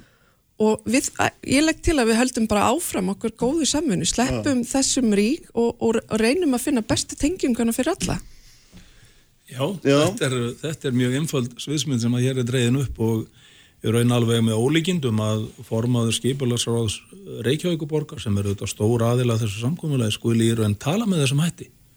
Hvað er þetta nákvæmlega að meina með því? því Já, í, fyrst, í fyrsta lagi sko þá uh, ef við byrjum á sundabrautinni bara sko, mm -hmm. sögu hennar þá er það auðvitað morgun ljóst og það öllum sem að þekki eitthvað til málsins sko, sögu þess mm -hmm. að það er Reykjavíkuborg sem að hefur fyrst og fremst staðið í vegi fyrir því að, að sundabröðin Ég lesið mikið með um þetta. Það er alveg hægt að finna hérna hliðina líka Já, ég vil bara segja það söguna sko. Nei, þú er ekki tíma til þess Ég veit ekki, en ég skal þá reyna að fara fljóttu við söguna, það er nöðsynlegt að leiðra eftir svona miskilning vegna þess að vegagerðin var búin að gera hér ákveðna tilugur um legu sundabröður mhm. það var ekki hægt að setja það á samgangáallun vegna þess að Reykjavíkuborg Eh, Reykjavíkuborg fer síðan að skipulegja íbúðabygg inn í vóagverfi mm -hmm. þar sem að vegagerðin hafi gert ráð fyrir því að sundabröð myndi tengjast við vegagerðu og höfborgarsvæðinu mm -hmm. uh, í vegalögum Þetta var nú svolítið uppháspunktur í hjá mér þar sem ég var að segja. Í vegalögum stendur alveg skýrt mm. að sveitafjölug skulu fara að tillugu vegagerðarinnar í hérna við gerðstofbröða, legustofbröða og val á legu þeirra -hmm og ef að sveitafélag samþykja það ekki mm -hmm. að þá eiga sveitafélagin að borga brúsan sem að misspunurinn er og það er 10 miljardar kostnaður vantarlega fyrir, eh, fyrir landsmenn mm -hmm. að Reykjavík skildi ekki vilja fara einfaldust til leiðina og samkvæmt lögum ætti Reykjavík borga borga það og það hefur verið brefarskriftir millir vegagerðarinn og Reykjavík borgar sem að ég þekki bara mjög vel mm -hmm. þar sem að verið er að krefja um þessa hluti niðurstuði það auðvitað er sundabröðin algjörlega klárlega hluti á þessu verkefni, tengingin, hún er ekki fjármögnin í þessum pakka, það kemur allstað fram, það er að því að hún er hugsuð í frangpönd eins og kvalfjörðarkvöngin mm -hmm. fyrir gjaldtöku. Og það er mjög ánægilegt að þessi flokkar sem eru núna í meiruluti borgarstjórn ásamt uh, öðrum flokkum alþingi, það var allir saminast núna um það stóra pólitíska skref að gjaldtaka, viðbóta gjaldtaka fyrir flítikjöld mm -hmm. er bæði að koma í höfuborgarsáttmálunum og í uppbyggingu vegakerfis út á landi. Mm -hmm. og það er að rifja baratu mína fyrir því sem að hófst verið þreymur árum. Aha, en sko þetta er algjörlega órjúvanlegt það stendur algjörlega mm -hmm. kristaltært að megin stopleðinar sem að þessi megin ásar þeir eru ekki að vera með einhver, einhverjum uh, krúsidúlum sko í gatnamótum uh, sem að Sigurborg er hér að tala um. Það eiga að vera misla gatnamót. Og ágreiningurinn að því hún nefnir Arnarnesveg þá væru við að byrja sem lág Arnarnesvegi núna nema fyrir það að Reykjavíkuborg er að draga lappirnar þar í að samþykja tillögu vegagerðunar um að það komi misla gatnamót inn á stofvegakerfiði var- þeir vilja hafa Já. ljósastýr gatnamót já, þar. já, en þetta er náttúrulega svolítið það sem ég var að reyna að draga fram í upphafi og svona reyna að fá eitthvað röggreið er það að við erum, tímandinn er að breytast. Og hvernig breyðast við því? Breyðast við því með því að halda bara áfram sem við höfum gjört eða kalla þær á einhverja breytingar í þessu? Eigum við bara að nota gamlu hugmyndirnar að þeir eru góðar eða eigum við að segja við okkur sjálfur við erum viljum byggja inn á við. Já, við, viljum, við, viljum, við erum búin að setja hverfið þar sem sundabreytin átt að koma en það var aldrei neinn hérna, áhuga á því að hálf Reykjavíkuborgar og alls ekki að hálfu íbúan í nágræninu að sundabreytin kæmi þar upp í gegnum mitt íbúðakverfi. Þetta veistu nú nákvæmlega vel eins og ég. Ekki satt? hún átti aldrei að koma upp í gegnum mitt í Jú, hún átti víst að koma að styrstu leiðina fyrir bara beint inn í óakverfi, við erum fyrir ofan. Já, inn í, hún átti að fara inn í Vóakvöru þá var það ekki ákveðið sem, sem Nei, íbúðasvæði. nú, nú, nú gildandi óakverfi, ekki nýja óakverfi, það er voða byggð, sko. Já, en, en sko, við skulum hafa það alveg á að Já. þessi samgöngu sáttmáli hann talar einmitt inn í þessa nýju tíma. Mm Þarna eru við einmitt að stíga stórkostleg skref í takt við nýja tíma í samgöngum. Mhm. Við erum að greiða hér leið fyrir náttúrulega agandi aukutæki, það er að segja bíla og slíkt. Við erum að setja hér gríðarlega mikinn kraft í því að efla almenningssamgöngur. Við erum að setja hér miljardar króna í að efla uh, göngustíga og, og, og reyðhjólastíga kerfi já, já. borgarinnar. Uh, við erum að uh, hluta þess eru þetta að greiða fyrir þeim umferðan hnútum sem við upplifum hér á hverjum degi uh, borgarbúar sem er algjörlega óþólandi og Mm. við erum að fara hér í, í nútíma ljósastýringar sem mun greiða mjög fyrir öllum En er ekki umferðarflæði. almenni samgöngurnar einmitt langbæsta tæki til að sjón, hérna, þú kemst að það séu bara eftir augnablik hérna, til þess að greiða fyrir þessu. Men er það ekki miklu betri leið að við förum bara fleiri strætó heldur en að halda áfram að móka hérna, peningum í, í sko risastóru umfyrðamarki, ég bara spyr, er það ekki miklu betri leið? Við erum að gera það sko. Já, Já, ég ætla ekki að segja fólki hvað það á að gera sko. Nei. Þú veist kannski að við setjum lög á það að fólk verða að fara í strætó en ekki enga En það, Ég er ekki erum- stöðu að setja fólki lög, Nei, Jón, nei við erum ekki þar sko, að fara Nei, að banna nei. fólki sko. En, nei, En við erum að ég búa til er, er ekki þar heldur, Nei, ég er bara að leggja það sem, fram sem við. Nei, ég meina, við erum að setja 10 miljardar í það að efla almenningssamgöngur Já, já, já. Ég meina, það er ekki að, það er ekki hægt að stíga skýrari og betri Nei, skref nei, í nei. þessa átt sem þú ert að vitna til Nei, nei. Sigurborg, hérna, sko, eitt af þessu sem var, er varandi að sko, lega sundabrautar er náttúrulega hefur verið deiluefni og ég Já. get ekki fundið einstaðar að hún sé ákveðin. Nei, hún er nú svona líkur svona sirkabát í, í Og er það þessi og, ytri leið sem að kostar þetta mikla peninga sem að Jón er meðal hans að nefna og vill láta okkur reykinga borga? Já, það er hún, hún líkur Já. þar í aðalskipulagi, það er hún sem er, er verið að rýna núna og, og skoða hvaða leiðir er hægt að fara en, en ég er algjörlega á því að bara orðið sundabraut Mhm. eru leifar að gammalli hugsun því að það gefur skinn að þetta sé hraðbraut Uh -huh. en þetta gæti í raun og verið miklu meira verið ákveðin sundabrú eða sundaleið þetta er tenging Aha. og það er það sem þetta þarf að vera í grunninn og ég held að við þurfum kannski ekki að rífast of mikið sko því að við erum alveg sammála um stóru línunar og, og sáttmálinn stendur og, og, og hann verður verður framkvæmdur. Mhm. en við þurfum að hafa í huga að það er líka fagfólksins að útfæra hvernig gatnamót og, og aðra lausnir eru útfærðar og það er engar krúsidúlur líkt og Jón var hér að nefna. Þetta eru stórir þættir. Stoppleiðanett fyrir hjól á höfuborgarsvæðinu er rosalega stór þáttur og það skiptir óbúslega miklu máli hvernig það er útfært í gatnamótum og öryggi gangandi á hjólandi. Þannig að það er enga krúsidúlur, það eru stórir mikilvægir hlutir og það eru einmitt þessi hlutir sem við erum að leysa þessa stundina og, og ég á vona að það komi bara góð lending í öllum þessum málum. En, en sundabrautin er kannski það sem að, að þarf að skoða hvað best og þarna þarf að skoða hagsmuni okkar, það þarf að skoða hagsmuni þeirra sem búa þarna nála, það þarf að skoða hagsmuni þeirra sem að, eru að flytja flutninga, það þarf að skoða sorpu og gæja sem er út á álsnesi, björgun sem er að flytja út á álsnes, uh, esumilar, það er risastort atvinnisvæði sem gæti tengst sundabraut. Það eru fullt af svona góðum tengingum sem nást með sundabraut, það er engin spurning en, en hérna við getum ekki haldið áfram að gera það sem kallast business as usual, það er að segja að gera þetta síðan 1980 eða cirka 81 þegar hún kom fram fyrst sundabrautin, við verðum að hugsa um alþjóðlega samhengið og við verðum að draga úr bílaumferð og það eru útreikningar sem eru reiknar alveg niður á kíló í losun gróðrúsuloftegunda hvað þarf að gera í umferð til þess að minka bílaumferð? Því að orkuskipting ganga rosalega vel. Það er alveg rétt en bílaflottin endunjast enga síður of hægt og Parísi sáttmálinn tikkar inn 2030 og þá er komið að skuldatöfum Orkuskiptin ganga mjög vel. Þau draga ekki endilega úr bíla einhver sko. þau geti að vel aukið hana vegna þess að ekstra kostnaða bíla verður ódýrari og uh, ramarsbílar er alltaf að verða ódýrari og langdragari og orkufyrirtækin eru mjög dugleg meðal annars orkufyrirtæki Reykjavíkuborgar að koma upp hlæslustöðum hér og þar og þannig að við erum að mæta þessum sjónamið þannig að þetta mun ekki draga úr umferðinni. Auðvitað verður uh, sundabrautin einhvers konar hraðbraut. En þannig er hún hugsuð. Það kemur fram í skýslum sem um hafa verið gerðar um þetta stoppbrautanett sem á að vera þessa megin mm -hmm. flutningsásar að það er reikna með því að umferðin geti gengið á svona ekki minna en 80 km hraða. Mm -hmm. Allar, allar framkvæmdir hérna miða að því þess vegna segi ég sko einhver gatnamót í krúsidúlum þá er ég nú við ljósastýr gatnamót eða ringtorg eða eitthvað slíkt að þau auðvitað svara ekki þessu kalli, það mm. gefur auga leið sko.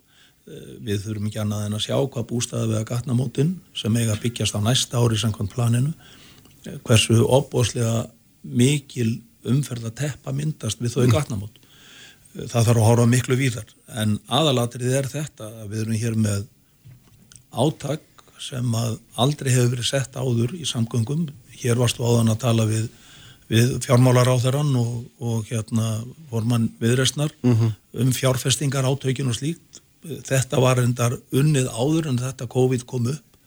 En sko hérna er að fara í gang við hliðina á samgöngu áallum alveg sko miljardar framkvæmdir á næstu árum. Mm -hmm. Við erum aðeins og eftir áallun, það tekur tíma út, fær ákveðna hluti og slíkt í þessu, en við erum samt komin á stað nú er verið að skipa væntalið þessu mánuði eh, eða stopna þetta nýja fyrirtæki sem er samegn eh, ríkisins og sveitafélagan og höfuborgarsvæðinu þá eru haldinn þar stoppfundur og skipa þar í stjórn þá tekur það félag þessi verkefnöll og vinnur þetta síðan í samvinnu við vega gerðin einhverju leiti en, en er fyrst og fremst komið með ábyrð á því að ná sem mestu fyrir skattbenningana mm -hmm ná sem hagkvæmastri útfærslu á öllum þessum mannvirkjum sem á að fara að byggja til þess að nýta skattfíði sem best. Og uh, kannski getum við gert meira að vel tekst til þetta félag og líka að fara í það að vinna með Reykjavíkuborga skipulagi og kjeldnalandinu til þess að innlesa það síðan og nýta í þessa frangvendir uh, ríkið er að borga eða leggja til um 75% með einum öðrum hætti að þessu verkefni mm -hmm. þannig að sko það, það, er, það, það er verið að fara að stíga og það er aðalatriðið. Mér finnst umræðan kannski að hafa hverst allt og mikið um það sem menn kalla borgarlínu eða alminninsamgöngur.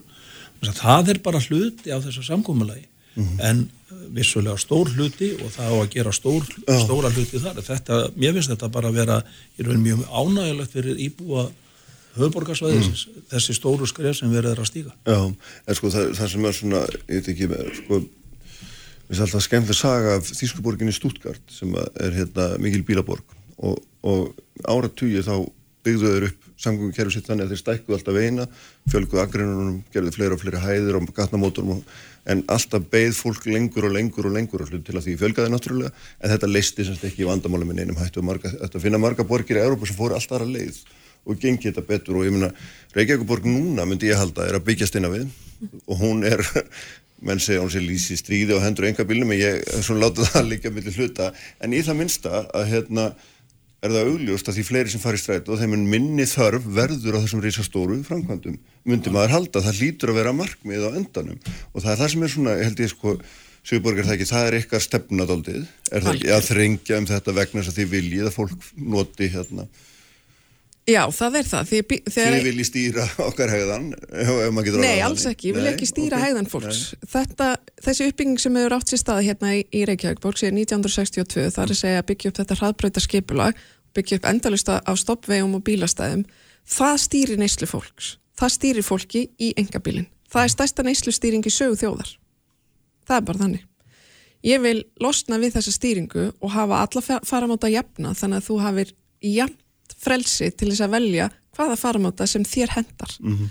og það er ekki hægt að gera það öðrísi en að, að þú upplifir á einhvern hátt að þú ert að fara að missa eitthvað frá engabilum einfallega vegna þess að það þarf að gera öðrum hæðra undir höfði í því fælst jafnræðið. Þannig að og sumir upplifa það sem árás á stríð á engabilinu það, það, ég vona bara okkur takist að afmá það því það er alls engin í stríði hér, við viljum einfallega vinna öll saman að því mm -hmm. að skapa betri borg fyrir fólk, ungt fólk, komandi kynnslóðir mm -hmm. og alla sem hér búa því að við sjáum það að þegar að fólk prófar að nýta sér mm -hmm. stræta og þá er það miklu jákværa er, fólk... er, er það ykkar trú að við getum með öðrum orðum dreyið úr umferð inn í framtíðina með að fara eitthvað leiðir og getum Algjörlega. það, já það er það Algjörlega. Þetta sem Jónur er að segja, hann heldur því fram að þetta, hún mun alltaf aukast þetta er ekki þetta er ekki lögmál líkt og jörðin sé flött eða að það sé ekki hérna, aðrættur að bjarða sé ekki til. Veist, þetta er ekki það er ekki hægt að segja svona hluti á þess að vita raunverulega orsök og afleggingu mm -hmm. það er að segja með því að byggja vegi og innviði fyrir bíla þá fáum við bíla. Þannig að það er ekki þannig að það munir bara endalust vaksa hérna bílaumferð út af ekki neinu, hún vex út af því að við erum að búa til grundvöldin fyrir hana til þess að vaksa mm -hmm. það er bara, þetta er bara orsök og aflegging þannig mm. að, að það er það sem að framtíðin fylgur í sér, það er það sem aðra borgir um allan heim hafa verið að gera og við vitum það, þegar við skoðum staðrindanir í dag, árið 2020 þá vitum við bara hvað við verðum að gera, þetta er, þetta er bara starffræði mm -hmm. og eðlisfræði hvað við þurfum að gera til þess að ná Parísisáttmálanum því að vegasamgöngur vega með þungt í Parísisáttmálanum hvað við þurfum að gera til þess að liðka fyrir umferð því að bílar eru mjög plásfrekir og takja mikið pláss á veginum? Og hvað við þurfum að gera til þess að fáhinga ungt fólk og fólk á erlendum uppruna til þess að standast alþjóðlega samgefni mm -hmm. Og aftur undraðum á þessu málflutningi forma skipilags á Reykjavíkuborgar sko, vegna þess að í öllum þeim úttöktum sem að Reykjavíkuborg hefur meðal staðið að þá sínir þá, sínir þá okkur það að þessi viðbörð sem að felast í þessum samgöngu pakka mm -hmm. þessu stóra samgómulagi snúa einmitt að því að draga aðeins úr aukningunni sem fyrir séða verði á bílaumferð mm -hmm. það er engar væntingar þar um það að það muni draga úr bílaumferð frá því sem að nú er Nei, svona í, raun, í raun, í raun sko, það, það er enga væntingar um það mm -hmm. með þessum aðgerðum eru við að tala um að lámarka þá hækkun með því að leggja auknar áherslur og aðra samgöngum á það. Við erum að reyna að mæta þessu þar. Mm. Við náum Parísas uh, sáttmólanum, uppfyllingu, uppfylla skilir, skilir okkar þar og þar sem við myndi gengist þar fyrst og fremst með orku skiptum í umferð. Mm -hmm. Ekki með því að fækka bílum eða eitthvað slíkt við það er orku skiptin sem að... En vinnur það ekki samt saman? Í og það bara leikur líki hlutverk orku skiptin og fyrir utan það hvað það hefur já, hvað áhrif að efna það landsins mm -hmm. að geta farið að nota hér innlenda orku gjáfa í staðis að vera að flytja hér inn eitthvað djarðar með elsniti e, sko þannig að þannig að hérna og þegar talaður um að það sé verið að byggja inn á við í Reykjavík mm -hmm. þá er nú verið að var verið að stakka úlósáfstalbyggðina og við sjáum það að Reykjavíkuborg er líka að byggja hér út fyrir Reykjavíkuborg er líka, Kjalarnes er líka hluti af Reykjavíkuborg mm -hmm og uh, það fara núna á annað 100.000 eða rúmlega 100.000 bílar um ártúnsbrekk á hverju meinasta degi þar myndast alveg gríðalegur umferðanhútur sundabrautin eru þetta bara líkilatriði mm. í að leysa þann umferðanhútur oh. líkilatriði oh. við höfum leikað þar alveg líki hlutverk uh, gagvart svo mörgu þannig að sko þessar stoppleiðir inn út af höfuborgarsveðinu, þú komst inn á það í Kristján mm. í byrjun öryggislutverk þess. Það þetta, verður aldrei framhjá því litið að við í dag erum við að búa við algjörlega ófullnægjandi öryggi þegar kemur að þetta rým ákveðin svæði í borginni eða á höfborgarsvæðinu þannig að sko veist, þetta, þessi hugsun talar öll saman. Mm -hmm.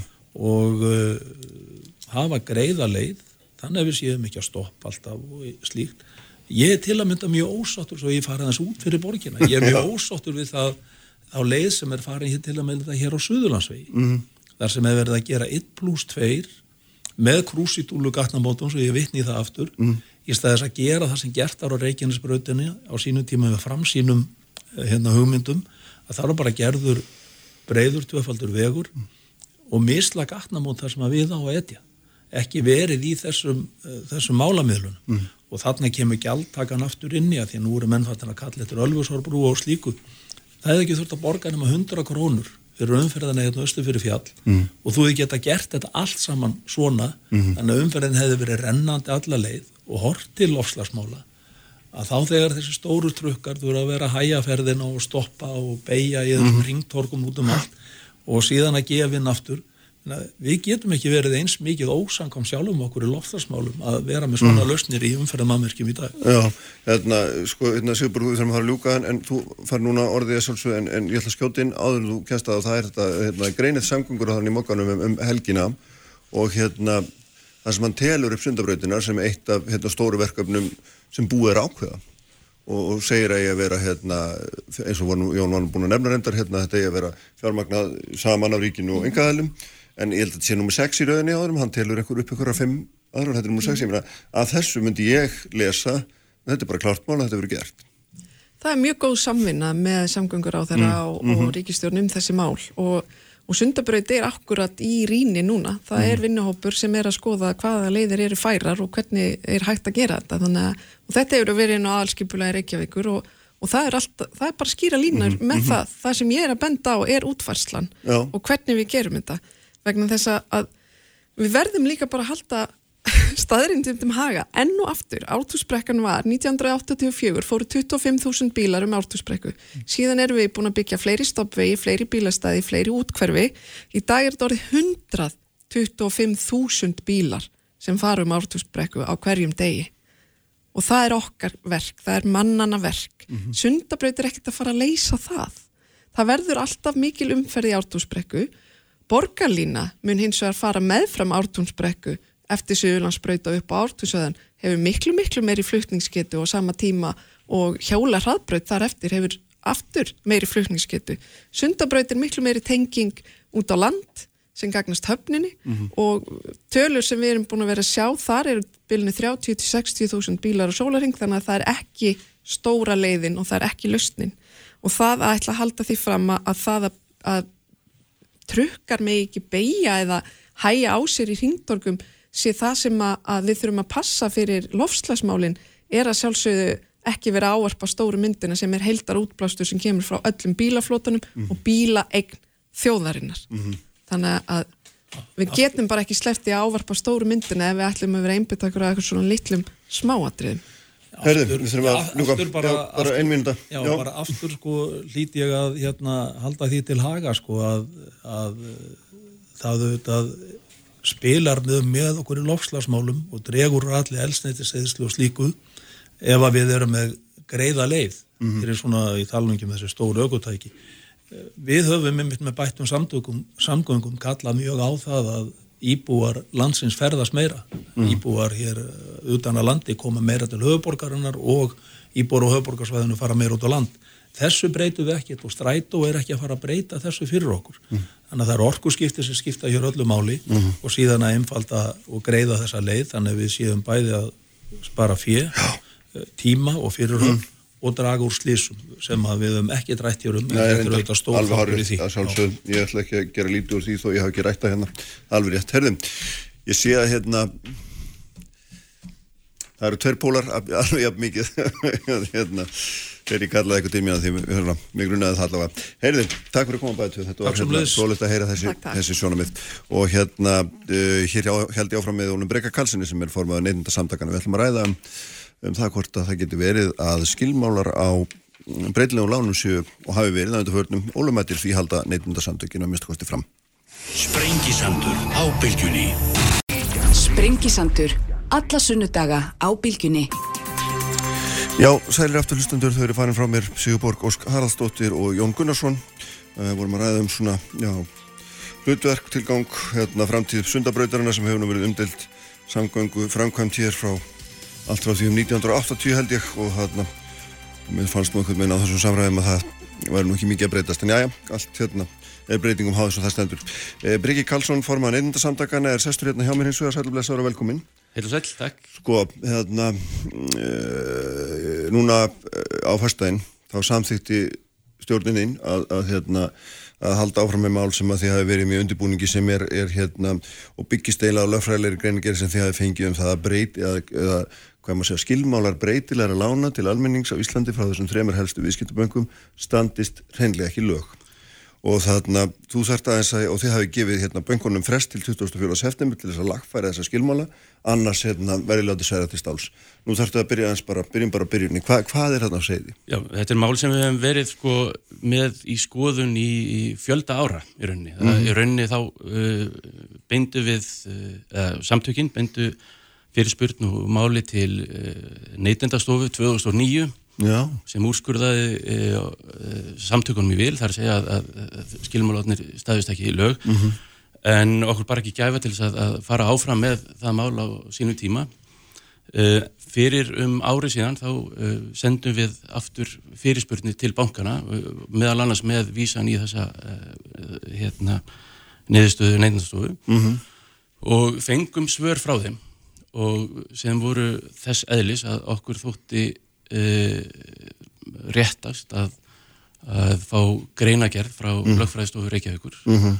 uh, og hún hefur verið í vinslu í núna nokkra mánuði -hmm. og, og hérna meðal annars er, er vísað í, í dóma uh, hérastóms hæstaréttar hér á Íslandi mm og Evrópu, nokkra dóma Evrópu dómstólsins. Og hverja voru þessar spurning? Hvað er það í raun og veru? Við hvað er það að gera aðtúasendir?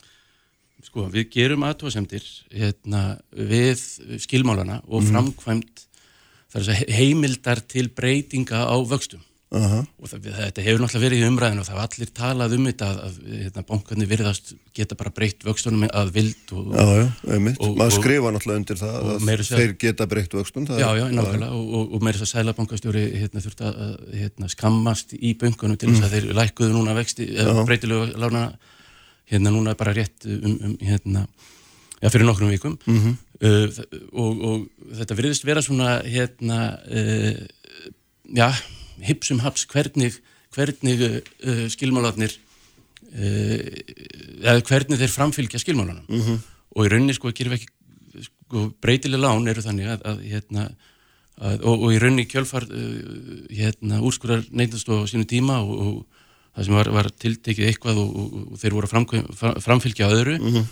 Þá, þá breyttu þeir kannski skilmálunum sinu þannig að þeir fóru að tiltaka miklu fleiri þætti sem gætu haft áhrif á Já. þannig að þeir tiltaka í sumum tilvöklum hérna, jú, eftirfarandi getur haft áhrif á uh -huh. og svo tiltaka þeir e, hlutlega þætti sem við höfum, getum mælt þar að segja stýrivexti selabankans, markasvexti, fjármáluna, kostnað bankana uh -huh. og svo framhengis. En svo líka eru þau með hérna, huglega þætti mm. eins og uh, rekstrarkostnað, uh, afkoma bankana -huh. og, og svo eru þau með hérna, sömur hverji, með, með hérna, setninguna og svo framhengis sem er náttúrulega galið. Já, það, það sem við erum að tala um hérna er það að þú tekur lán með breytilega vöxtum sem með öðrum orðum þannig að hérna, það á að hækka og lækka Já. eftir svona cirka hvernig árar í, í bara í efnarslíðinu getur við sagt, það er svona almenna, almenna staðhæfingi sem maður getur staðið við.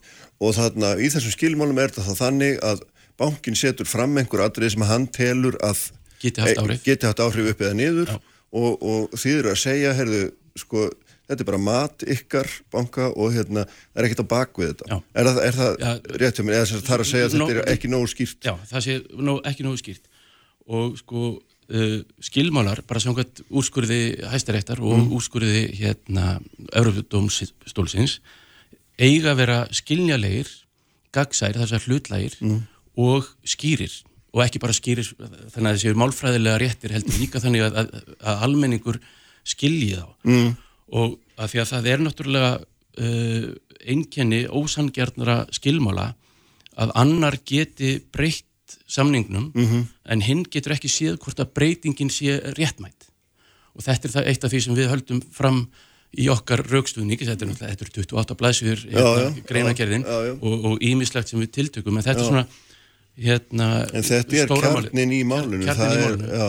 og við sjáum líka það að meira segja hafi, letu við gera vinna greinagerð eða, eða minnisblad um, um hvernig uh, þessi hlutlægu þættir hafi verið að þróast í uh, að undarfærin misseri mm -hmm. stýrifstu selabankis fjármögnun kostnaði bankana, markasvextir og, og svo framvegis og við sjáum að meiri þess að uh, miða við skilmálana sína þá eru þeir ja, 0,5-2% stík yfir á, ymsum tímabilum uh, sínum eigin skilmálum með, við, með við okkar útrekninga og, það- og, það er sem, það, og það er það sem við byggjum eða okkar fyrsta krafa Mm. er að þeir leiðrétti miða við eigin skilmála það er að segja hlutlægu þættina í, í skilmálunum Nú skulum við aðeins hérna stoppmáttur vegna að nú ertu að segja mig það sem sagt að, að það, eru, það eru í þessum skilmálum eru annars vegar þessir matskendu þættir og hins vegar er bara eitthvað ákveðið hérna hækkun stýrivasta, lánakjör bankana sjálfur og einhverju fleiri þættir sem allir sjá og allir geta staðrind Já. og jafnvel miða við það þá eru þið að halda því fram Já.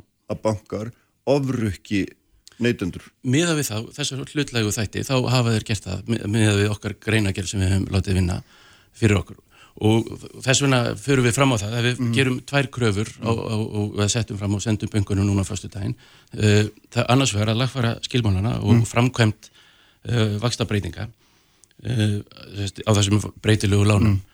Og nú tvö að leiðrétta hlut þeirra neytanda sem hallað hefur verið á á undanförnum árum og missurum miða við uh, uh, miða við ákvarðun sem teknar hafa verið á grundallega óskýra og, og, og ófullnægjandi Við erum að skilmála. fara að sjá fram á annað endurreikningsmál eins og var hér upp úr hrunni þar sem að er lán með sem voru hérna tekin í elendri mynd og, áttu að vera gengistrið en máttu auðvitað ekki gera.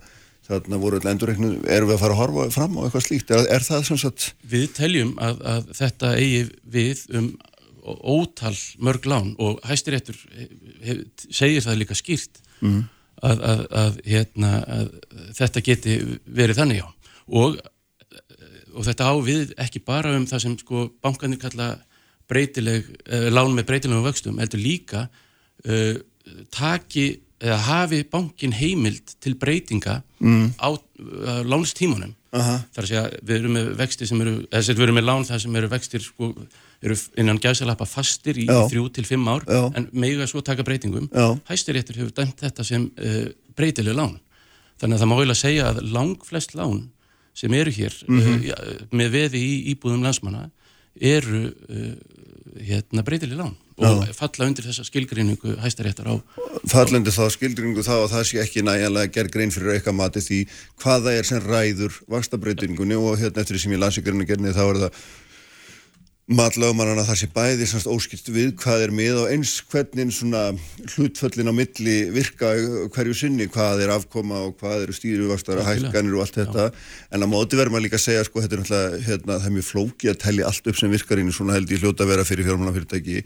Og síðan finnst manni líka að því þið talið mikið með ekki sko matskenda þætti en það er ekki bara eðlilegt að maður sem að lánar peningi eða selur epli eða hvað sem er, hann miðar auðvitað kostnaðin við þann kostnað sem hann sjálfur hefur að því að afla sér hráfnisins, hvort hann kaupir epli að heilsalanum eða fær lánaða peninga frá einhverjum, hann verður auðvitað að miða sína vexti miða við það, þau kjör sem hann sjálfur er með, er það ekki bara fullkomlega lógist? eðlilega, en, en í, í þessu tilvikum, í lánum, Já. í þessu lögum um fastegnarlán, þá eru, og í dómum, í dómafordæmi bæði Európu og Hæstaréttar, Mm. þá er gerð mjög rík krafa til lánveitanda sem er náttúrulega í yfirbyrðastöðu Aha.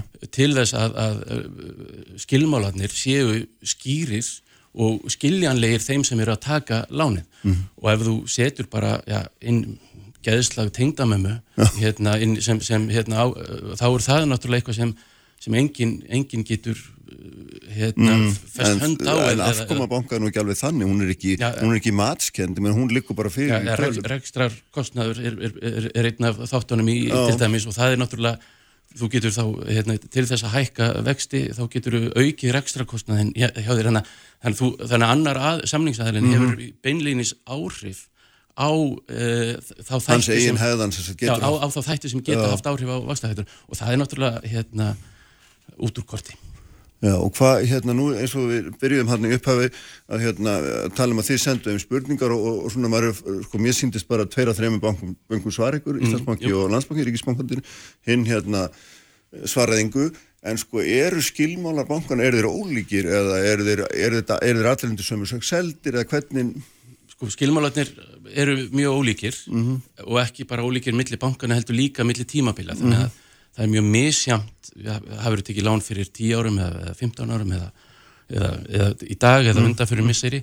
Uh, hver, hvaða uh, þættir eru tilteknir í þessum heimildum til, til breytinga á, eða, eða hvaða er sem hefur áhrif á, á heimildi til, til breytinga á, á vaksta ákvarðunum Mhm. og, og það er það sem við svona, uh, þarf að skoða í, í, í, hérna, í, með tíð og tíma og, og hérna, finna, finna lausn á. En þetta er, þetta er gífurlegt verk og við, við sjáum það til dæmis að, að kannski verðt að taka það fram að, að hérna, þetta er kannski ekki mik miklar eða háar upphæðir fyrir hvern og einn einstakling Nei. uh, getur reynda verið það en, en þar, þar í, í flestu tilvíkum er það ekki uh, engar sko uh, stórkostlega breytingar Nei. uh, en þetta er, þetta er gífurlegir hagsmunir fyrir uh, kerfið uh, segjum svo svo að, að gefum okkur eða, eða, eða lán bankana er um það bil 1200 miljardar með þess, þessi lán sem eru með veði í íbúðum og, og falla undir þess að skilgjörnum breytilega vexti. Uh, varlega áætla mætti segja að, að, að lífyrirsjóðunir og, og, og ég verð ekki með neina hérna, tölur um það, þeir eru náttúrulega bæði með fasta og breytilega vexti í lífyrirsjóðunum Já. mjög varlega áætlaði mætti segja að þetta sé samtals um, um 1500 miljardar uh, gefum okkur að, að hérna lántakaendur séu 75.000 það er bara svona tala gripin upp úr. Og meðalánið sé 20 miljónir þá, þá sýnir greiningin okkar eh, sem við lötum vinna fyrir okkur að, vaksta, að markas álag bankana hafi aukist um 0,5 til 2 uh, prósent undanfæra misseri. Og það þýðir 100 til 400.000 per lán á ári undanfærin undanfærin misseri. Sem hefur verið oftekið. oftekið af, af hérna. En allir merkilegt þú segir þetta markasálaði hefur aukist í að nú hafa vextur auðvitað farið Já, hríðlekkandi núna, núna síðustu vikur Já. hafa við farað það. Já. en, en þess vegna er líka gífulega mikilvægt því að, því að við hefum fengið skila, skýr skilabúð úr sælabankunum Mhm. um að vextir munu hækka. Já, og, og þess vegna mjög, er mjög mikilvægt að í, í komandi vaksta hækkunar fasa að við neytendur skiljum og, og fáum úr því skorið hvernig og hvaða heimildir uh, bankarnir hafi til þess að, að, að hækka og hvernig þeir munu hækka. Því að eins og við vitum þá voru þeir mjög treyir til þess að lækka og þurftu skammir úr sælamankunum til þess. En, en munu þeir hækka bara við, við fyrsta hanakall? Svona í fljótu bræðibriki þegar maður fór að lesta hjá þér og svona, ég svo sem að þarna býnu að því að hafa unni í fjármálakerfinu í öll mörg ár að það er nánast sko fullkomlega útilokað að gera fullnæjandi grein fyrir því hvernig þú byggir ákvörðin varsta að þú átt að týna til alla þá hlutlegu þætti sem hafa þar áhrif. Vega þá að meta í hvert sinna því þeir eru náttúrulega mismunandi líka eftir, eftir árum og tímabilum. Og ég veit, hérna sko, En- hva, um en- hvað er stegilega að gera kröfur? Lögin eru skýr. Hérna, heimildir til hækkunar megu ekki vera matskend matskendir heimildirna megu ekki vera matskendar þær, þær hérna, verða að vera skýrar og líka fyrir þannig að, að, að landtakandi geti gert sér grein fyrir og metið það hvort að, að hækkunin eða lækkunin sé réttmætt á hverjum tíma. Og hérna þannig að, þannig að og, og þetta er líka þetta, Það sem ég er, ég er að segja við því er það jafnvel þó þetta er allt saman talið upp og allt saman vegið og metið þá myndi venjulegu maður út í bæ og þar með ég sjálfur aldrei hafa fórsendur til þess að vega og meta hvort þetta væri rétt eða ná þess vegna er ég ákvæði í, í, í lögunum um það að, að, að annarkvort neytandi sjálfur eða þá neytandi að stofa Aha. leggji mat á það uh, hvort að mm hækkunin sé réttmætið ekki. Og, og við, það, við höfum komist það, hafa, uh, hérna, það eru mál núna fyrir uh, neytendastofu einmitt með þetta og við uh, beindum í, í fyrra fyrirspörnum til neytendastofu Mhm. nákvæmlega um þetta atriði hvort að hækkanir og lækkanir uh, hérna uh, séu hérna, tiltekna hækkanir og tiltekna lækkanir séu ef, eftir eftir lögunum og Já. útskýrðar hérna. En ert en að- við höfum líka sko, sko, Nei. hérna, að við höfum líka sko að þetta er eðlilegt skref í, í áttað bættri neytendavend